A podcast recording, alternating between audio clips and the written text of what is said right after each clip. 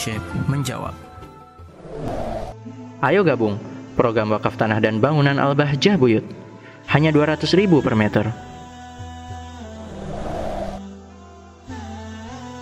Waalaikumsalam warahmatullahi wabarakatuh. Penanya yang dirahmati oleh Allah Subhanahu wa taala, hubungan suami istri membayangkan orang lain bagaimana?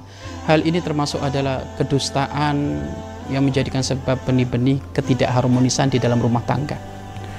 Bagaimana engkau di saat berhubungan dengan istrimu tiba-tiba engkau membayangkan orang lain? Atau bagaimana di saat engkau berhubungan dengan suamimu tiba-tiba engkau membayangkan orang lain?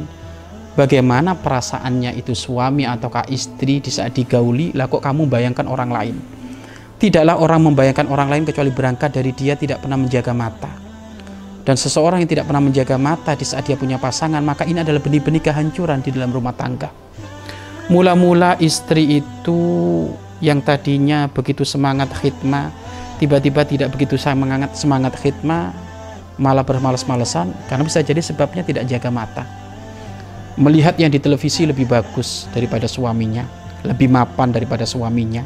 Dibandingkan suaminya yang kerjanya nguli ataukah hanya supir angkot, maka dia setiap hari akan merasa penyesalan-penyesalan kenapa saya tidak dapat suami kayak di televisi. Pada televisi itu adalah hanya film. Film itu film itu settingan. Belum tahu kehidupan sesungguhnya itu laki-laki yang jadi jadi bintang film itu kayak apa hakikatnya kita belum tahu. Maka kalau kayak gitu jaga matamu. Wahai istri jaga mata, wahai suami jaga mata. Maka di saat menjaga mata, menjaga mata di dalam pasangan, maka kita akan menemukan syukur yang sangat karena Allah telah mengirim pasangan kepada kita.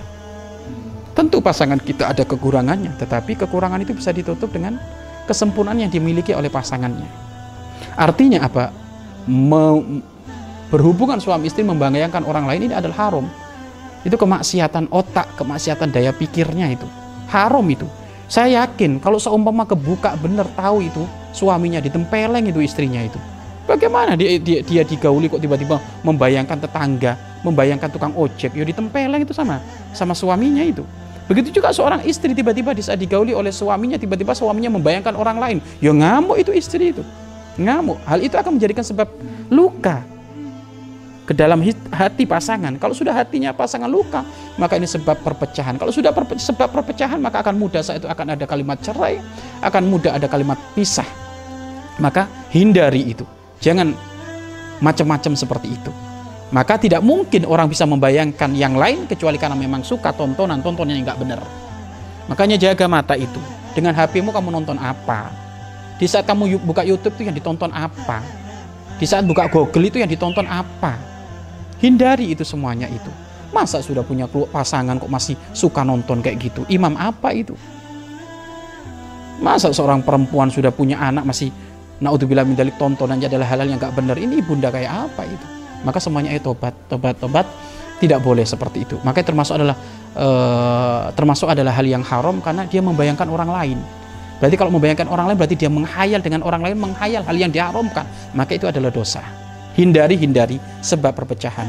Wallahu a'lam bishawab.